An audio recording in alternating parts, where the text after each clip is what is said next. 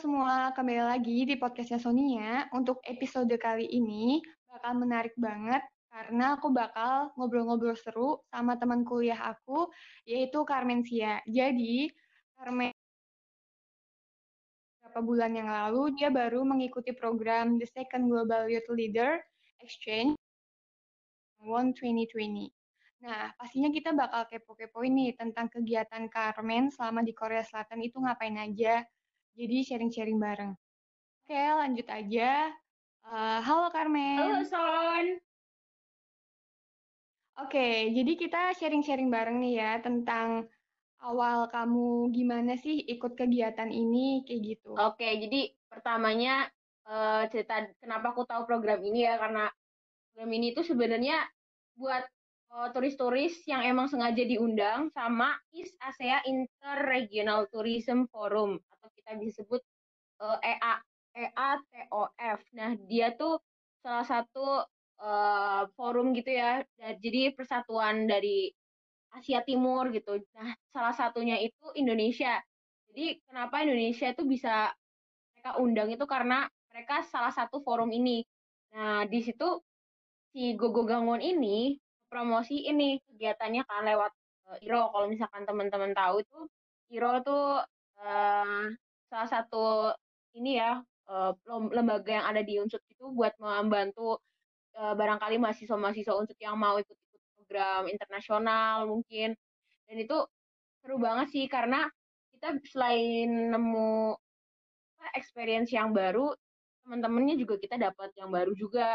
Terus yang paling menarik adalah selain apa ya budaya budaya terus teman dan pengalaman kita tuh jadi tahu juga beberapa sejarah yang ada di tempat-tempat yang di provinsi Gangwon itu gitu sih sebenarnya Son. Hmm, Oke, okay. jadi pertama kali kamu dapat informasi ini itu dari Iro yang di Unsut itu betul, ya? Betul, betul banget. Nah, untuk syarat pendaftarannya itu apa aja sih? Ribet nggak? Kok bisa ceritain? Nah, kalau waktu awal-awal kita persiapan dokumen itu nggak ribet sih, karena yang pastinya kan eh, kita ngisi forum nih, udah eh ngisi forum, ngisi formulir. Kita ngisi formulir itu ya tinggal isi data diri. Habis itu eh, kayak ada apa ya, kayak ada question gitu, kayak kamu pakai apa gitu. Eh, language yang kita bisa pakai apa aja gitu. Habis itu udah semuanya udah keisi, terus kita tinggal confirm sama admin, bla bla bla, udah sampai fix baru kita masukin dimasukin ke grup salah uh, se Indonesia. Jadi kayak kita tuh kontingen-kontingen gitu, Son. Jadi kayak misalkan nih, kalau di Indonesia itu kan ada dari berbagai macam apa pulau kan, maksudnya ada yang dari Kalimantan juga, ada yang Sumatera, Sulawesi semuanya jadi satu. Nah, tahun ini itu kontingennya ada yang dari Kambodia, Jepang, Malaysia, Korea, Indonesia, sama Filipina. Jadi uh, yang kemarin join itu uh, cuman ada um, berarti ada enam ya, enam negara, negara. Nah salah satunya Indonesia. Dan itu uh, apa ya? Yang pasti yang paling pentingnya tuh kayaknya language sih karena yang dipertanyakan sama terus kayak buat apa itu syarat ya pemenuhan syaratnya itu language karena yang ditakutkan itu kalau misalkan nih kita cuma bisa pakai bahasa Indonesia nya bahasa Indonesia doang. Dan nanti di sana itu kita kan ketemu sama jelas bule-bule gitu lah ya istilahnya ya. Ketemu sama mereka gitu. Kalau ya, ditakutkan kok kita hilang gitu loh kalau kita hilang kita nggak bisa nggak bisa bahasa selain Indonesia yeah. kan nanti malah jadi kayak merepotkan gitu. Itu sih paling ya yang paling penting tuh language-nya sih. Nggak ada hal-hal lain yang susah untuk buat gabung sama Gugu Gangwon gitu. Nah, untuk program ini tuh setahun itu ada berapa kali sih? Apa cuma misal setahun itu sekali doang programnya atau berapa? Nah, kalau untuk uh, program ini sih karena sebenarnya Gogo Gawon ini kan berarti baru kedua ya karena the second kan the second global youth leader. Eh, tahun kemarin tuh pertama. Kalau kemarin aku tanya sama uh, guide-nya itu bilangnya sih acara ini bakal jadi annual event gitu. Cuman uh, kan kita tahu ya kondisi sekarang lagi hektiknya virus apa kan. Jadi tahun depan kayaknya itu dipertanyakan. nggak tahu sih, nggak nggak tahu bakal ada, ada ada lagi atau enggak gitu. Nah, oke, okay. mungkin nih dari teman-teman nih ada yang mau ikut gabung gitu. Terus mereka tuh bingung tentang biayanya itu ada nggak sih? Terus bisa disebutin nggak kayak butuh apa aja dan berapa kayak gitu? Itu bisa banget nih. Aku bakal kasih informasi. Jadi eh, Gogo Gangwon ini sebenarnya program yang emang fully funded tapi hanya di South Korea aja. Jadi uh, berarti itu artinya kita harus membayar tiket pesawat dan tiket pesawatnya itu jauh banget dari kata mahal karena itu super duper murah dan itu aja aku sampai kayak shock gitu karena kita ke South Korea kalau kita pakai aplikasi mungkin kayak ya aplikasi buat traveling gitu ya. Kita mau beli tiket pesawat ke South Korea itu harga bisa kalau kalau pulang pergi tuh bisa 14 juta 16 juta begitu ya. Tapi untuk ini yeah. karena fully funded juga dari pemerintahan Gangwon itu 9 juta buat pesawat pulang pergi. Pulang pergi ya aku tekankan lagi. Ini pulang pergi 9 juta nih ke Korea Selatan habis itu Indonesia.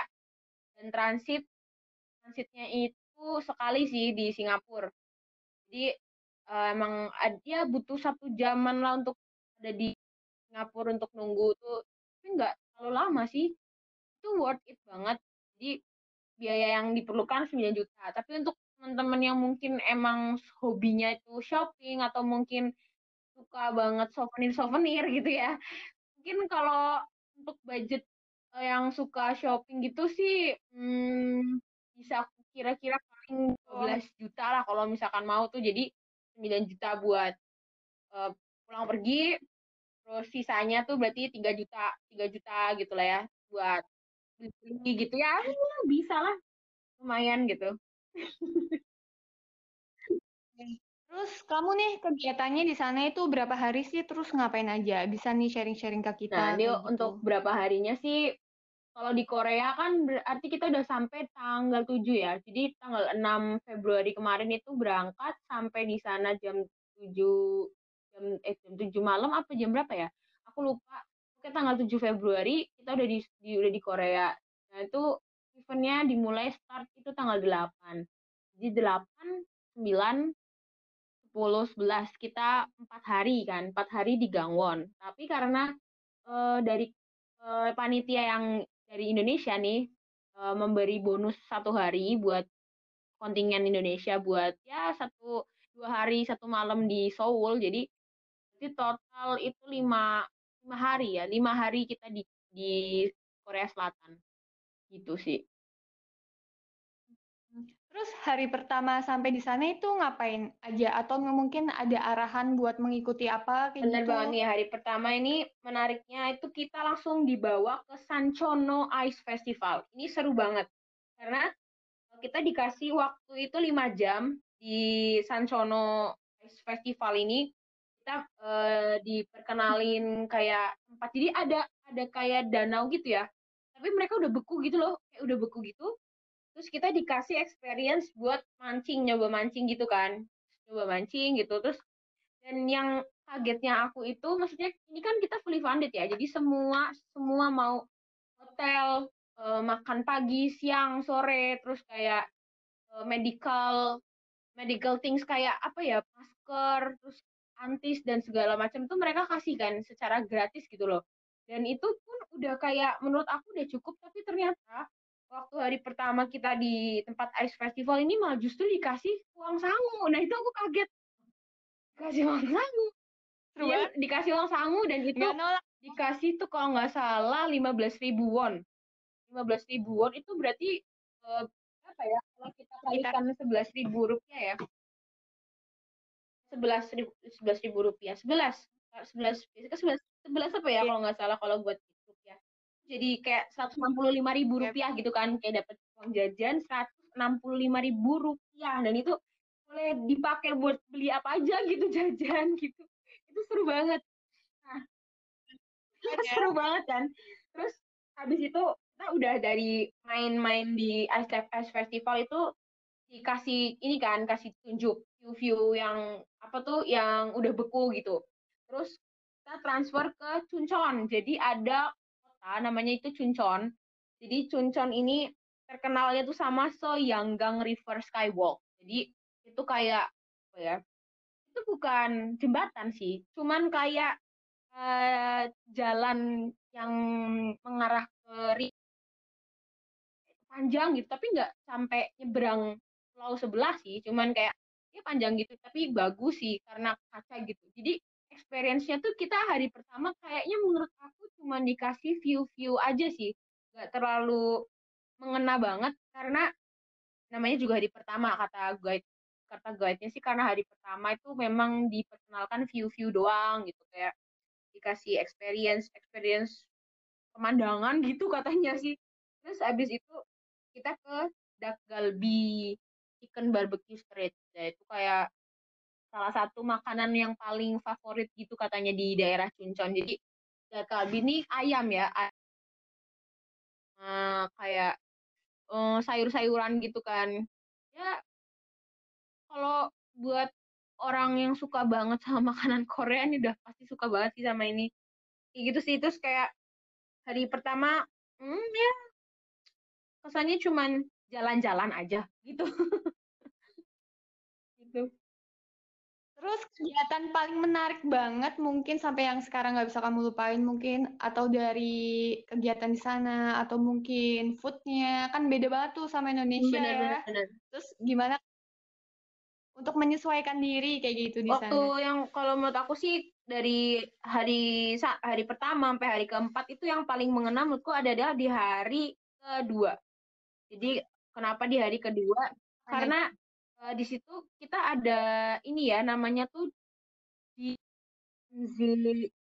Tour. Jadi kita dibawa ke tempat namanya tuh DMZ lah ya kalau gam apa kita bacanya deh DMZ gitu ya.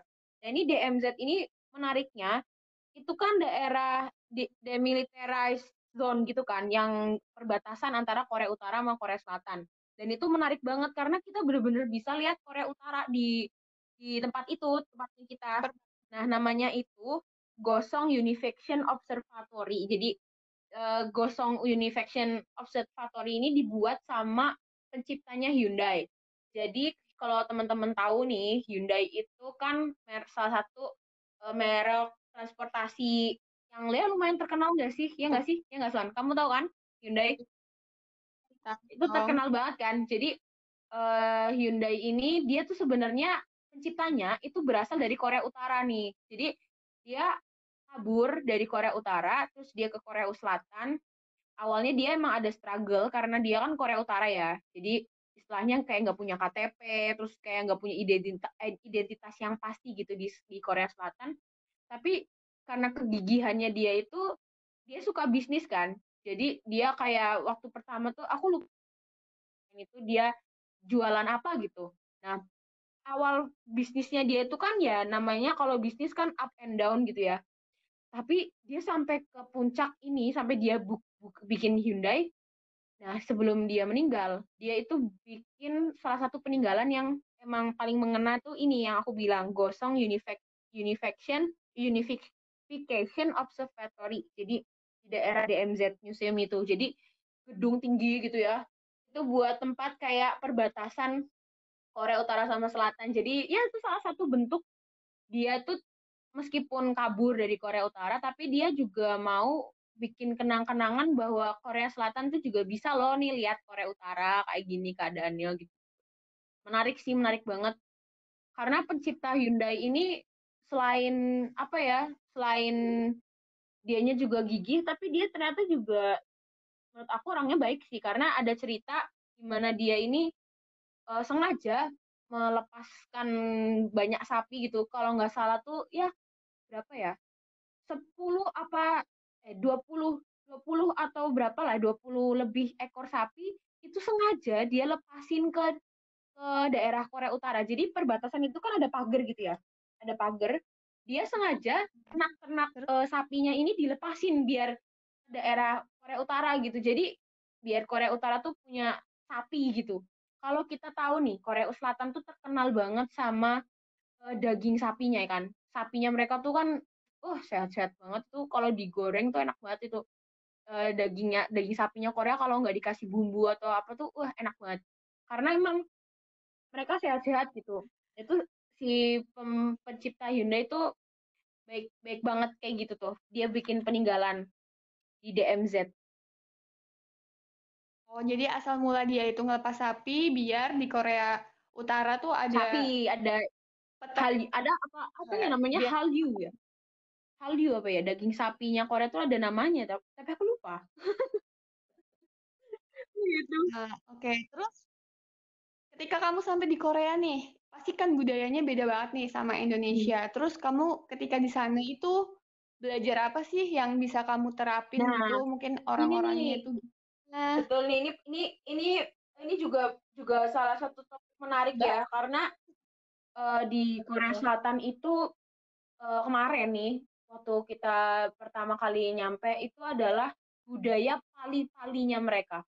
Jadi pali-pali itu kalau di Korea itu kan cepat-cepat ya.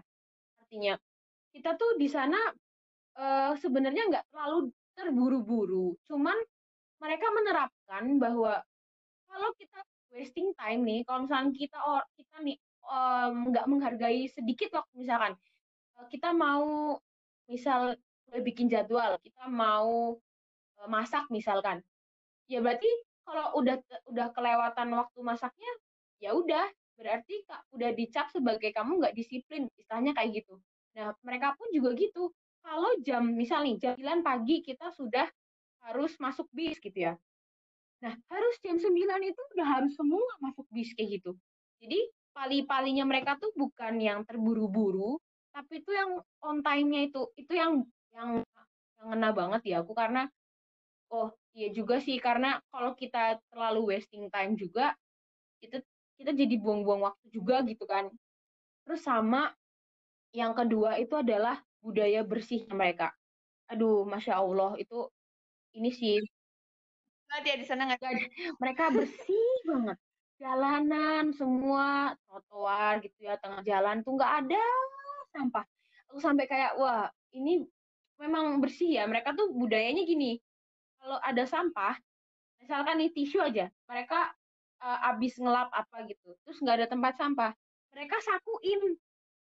Kerennya tuh mereka saku sakuin abis itu mereka jalan abis itu ketemu tempat sampah baru mereka buang dan terus yang menariknya juga sampahnya itu mereka disiplin banget karena di masih di kotak-kotakin yang kayak apa tuh plastik sendiri, terus yang kaleng sendiri, yang sampah yang istilahnya yang bisa apa terurai sendiri, kertas, tisu gitu dipisah sama mereka.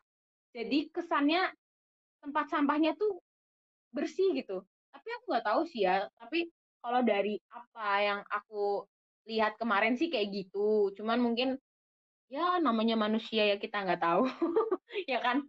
Mungkin ada ada juga yang jorok cuman cuman kemarin dari kemarin aku nggak ngeliat gitu loh sama sekali karena tuh bersih banget.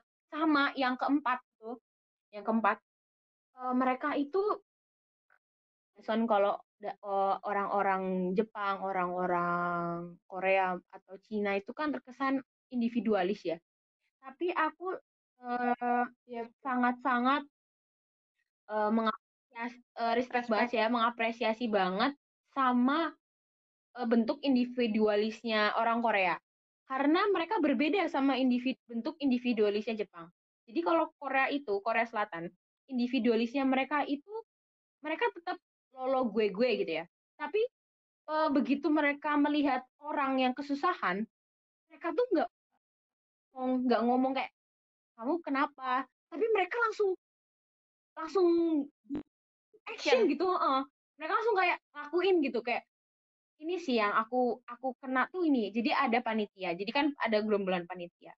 Jadi emang ada uh, apa tuh nggak tahu nggak tahu ada problem apa ya nggak tahu ada problem apa tapi mereka udah kayak ngumpul gitu ya ngumpul gitu di, di tengah-tengah tapi dengan yang ya aku memang nggak ngerti sih mereka ngomong apa tapi mereka kayak kesannya no gue sana no gue sana kalau gue sana tuh kan aku tahu kan kamu nggak apa-apa nggak apa-apa gitu kayak kesannya bener-bener apa ya care bentuk perhatian. bentuk perhatiannya ya. mereka tuh kayak gitu langsung langsung to the point gitu loh terus kayak langsung dibantuin saat itu juga dan sampai kayak panitia itu pada lari-lari gitu buat bantuin gitu terus yang apa ya yang ngena juga tuh yang kelima nih mereka tuh kan memang nggak bisa bahasa bahasa asing ya maksudnya cuman bahasa Korea gitu kan kebanyakan.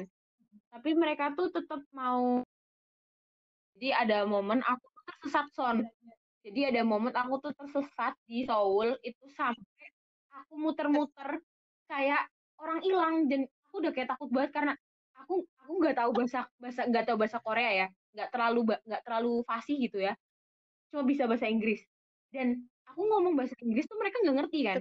Tapi ada momen di mana aku yeah. ngomong sama salah satu warga dia tuh excited banget buat meskipun dia itu pakai bahasa Korea dan aku nggak ngerti tapi dia tetap mau jelasin kalau eh Nena Yuki so ini. Aku kayak nggak ngerti ya. Aku padahal nggak ngerti loh dia ngomong apa loh tapi dia excited banget buat jelasin sampai aku kayak ya ampun padahal dia nggak tahu loh aku ngomong apa gitu.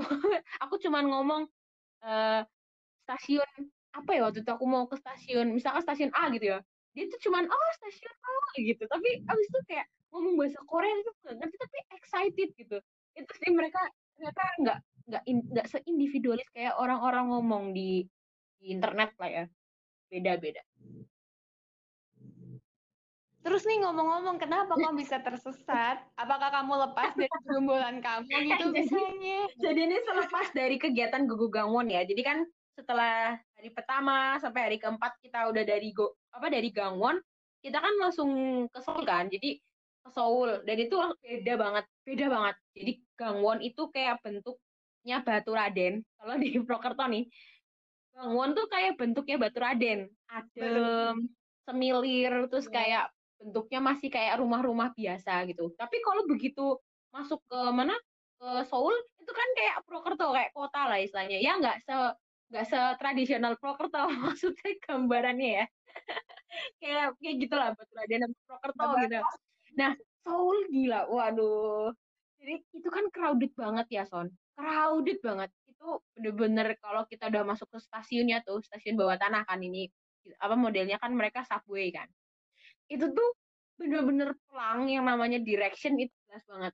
Jadi line 4, line 7, line 1 tuh kayak ah, terobrak-abrik aku sampai nggak paham. Ini bahkan aku sampai ada meninggal apa bawa subway-nya orang apa Korea Selatan nih sampai aku bawain buat mempelajari lagi ini ke mana-mana karena emang uh, crowded banget kan jalurnya jadi emang malam-malam aku jam 8 itu yang udah sampai di Seoul kan aku ketemu saudara sepupu aku kan yang kuliah di sana. Nah abis itu dia mau ada kerja. Aduh dia kerja jam 8 malam. Berarti otomatis aku harus balik ke hotel sendiri. Iya aku harus balik ke hotel sendiri. Dan itu kayak oh ya udah mas. Ya udah nggak apa-apa gitu. Dadah dadah dadah udah udah say goodbye. Abis itu aku ngikutin aku ngikutin never map kan. Jadi pakai never nih pakai never map uh, udah ngikutin oh ya ya udah bener nih awalnya. Habis itu kok nggak sampai-sampai ya? Apa aku kelewatan ya? Apa apa aku salah ya? Terus aku udah keluar dari subway kan. Habis itu ini ke mana ya? Itu Panik udah, ya? udah hampir jam 10 malam loh padahal udah jam 10 malam waktu waktu South Korea ya. Itu wah aduh aku nggak ngerti ini udah malam banget aku nggak tahu nih mau ke mana gitu nah berapa jam ya? Setengah jam aku udah muter-muter tuh jadi aku kayak berhenti masuk ke subway nih. Aku masuk ke subway udah ngetap sama udah ngetap imaninya tapi kayak useless gitu karena aku nggak nyampe-nyampe. Ini aku aku dibawa muter-muter ke mana sih gitu. Sampai aku udah nyebrang Hangang River coba kamu bayangin. Aku sampai udah nyebrang nyebrang Hangang River berarti itu udah jauh banget dari hotel loh. Aku udah aku ke mana ini? Akhirnya setengah jam kenapa? Iya. Setengah jam aku nyasar kan. Setengah jam aku nyasar aku udah ke mana udah ke berapa stasiun aku udah pemberhentian tuh sampai 20 stasiun itu udah aku puterin gitu loh. Terus akhirnya aku lihat lagi ke aplikasi itu harus tenang gitu kan kalau yang namanya orang gugup kan harus tenang gitu. Akhirnya pelan pelan pelan pelan. Udah akhirnya nyampe hotel dengan selamat. Puji Tuhan. Aduh nah, gitu ceritanya. Nah jadi kesimpulannya nih selama kamu lima hari di Korea Selatan ikutin program Gogo Gangwon itu inti dari program ini itu apa sih? Kayak gitu. Apakah belajar mengenai kebudayaan atau apa sih itu? Kayak gitu. Inti dari program Gogo Gangwon Jadi Gogo ini yang kamu ini sebenarnya emang yang lebih diutamain itu adalah kultur ya.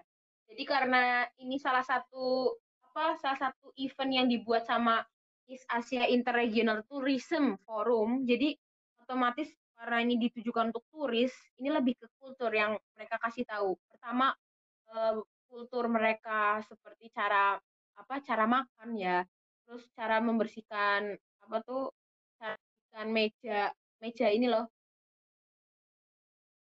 apa namanya makan gitu yang kalau habis makan gitu langsung dibersihkan gitu. Apa sih namanya uh, eh, self service apa ya kalau nggak salah namanya. Terus kayak ketiga tuh ketiga itu adalah uh, di mana kita tuh dikasih apa dikasih tahu kalau namanya orang Korea tuh gak seindividualis yang internet bilang gitu. Karena uh, aku aku jujur ngerasain banget karena panitianya tuh kayak menunjukkan kalau uh, South Korea itu meskipun negara maju tapi nggak individualis gitu. Itu sih yang aku dapat juga. Terus sama ini ada yang menarik. Jadi ada salah satu event juga nih jadi di hari ketiga itu Pyeongchang Peace Forum 2020 ya. Jadi itu kita belajar juga soal tentang kayak perekonomian yang dibangun dari pariwisata tuh kayak gimana gitu.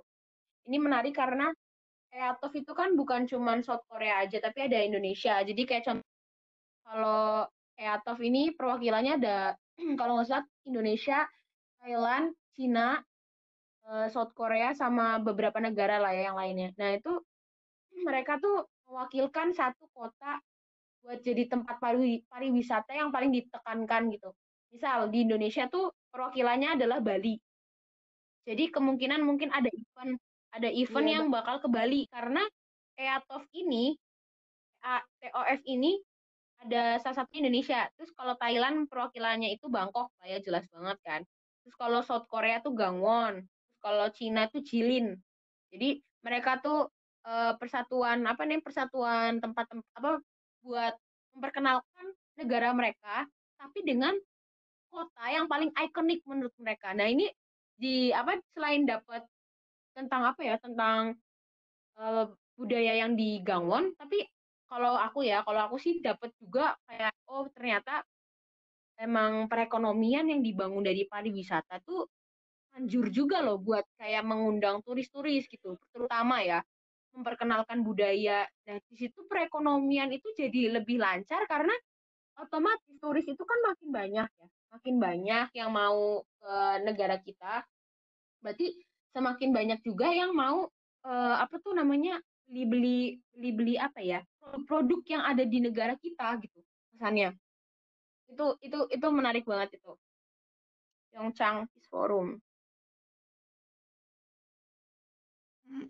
Oke, terus ada nggak nih tips-tips buat ngikutin program Gogo Gangwon yang setelah kamu ikutin terus berbagi sharing gitu tips and trick bagi teman-teman semua yang mau hmm, ikut. Kalau tips and trick sih kalau event ya apalagi international program kayak gini adalah yang pertama itu kita jangan cuma daftar doang habis itu udah.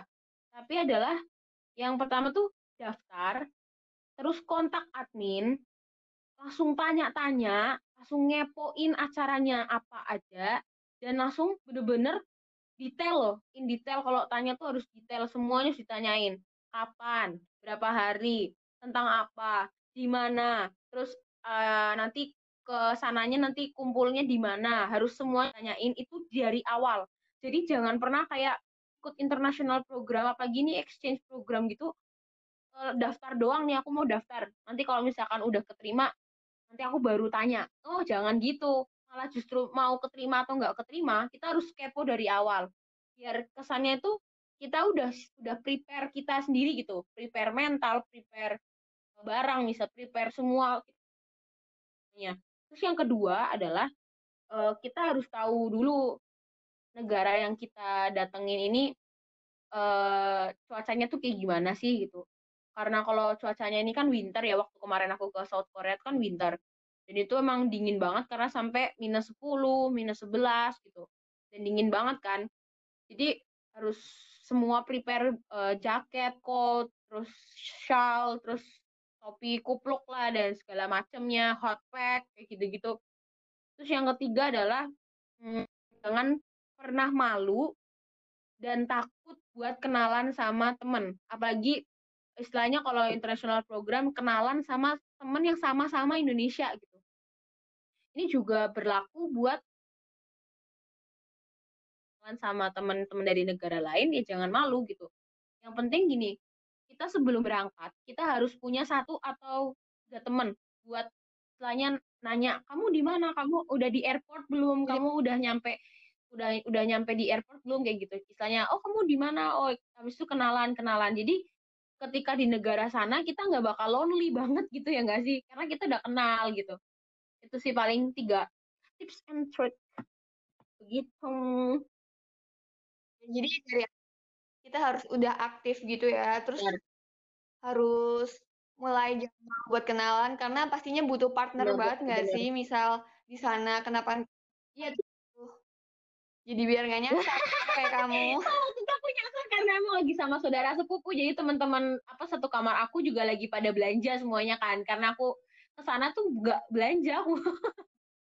aku nggak belanja jadi aku ke sana cuman makan sama saudara aku yang dilalanya kan ngetraktir gitu loh ngetraktir. Baru jalan. Bagian oke. Okay. jadi udah nih tips ya, sama tiga hal aja tiga, itu aja. itu udah cukup banget.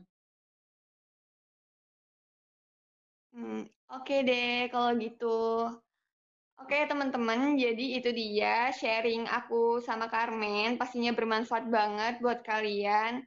Makasih juga Carmen udah sharing-sharing mengenai Makasih juga lo udah diundang nih ke nah, podcastnya okay. Sonia. Sama-sama.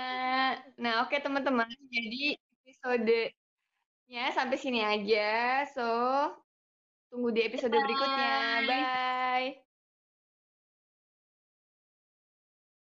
Aku matiin ya, Carmen. Aku lanjut di WA. Makasih.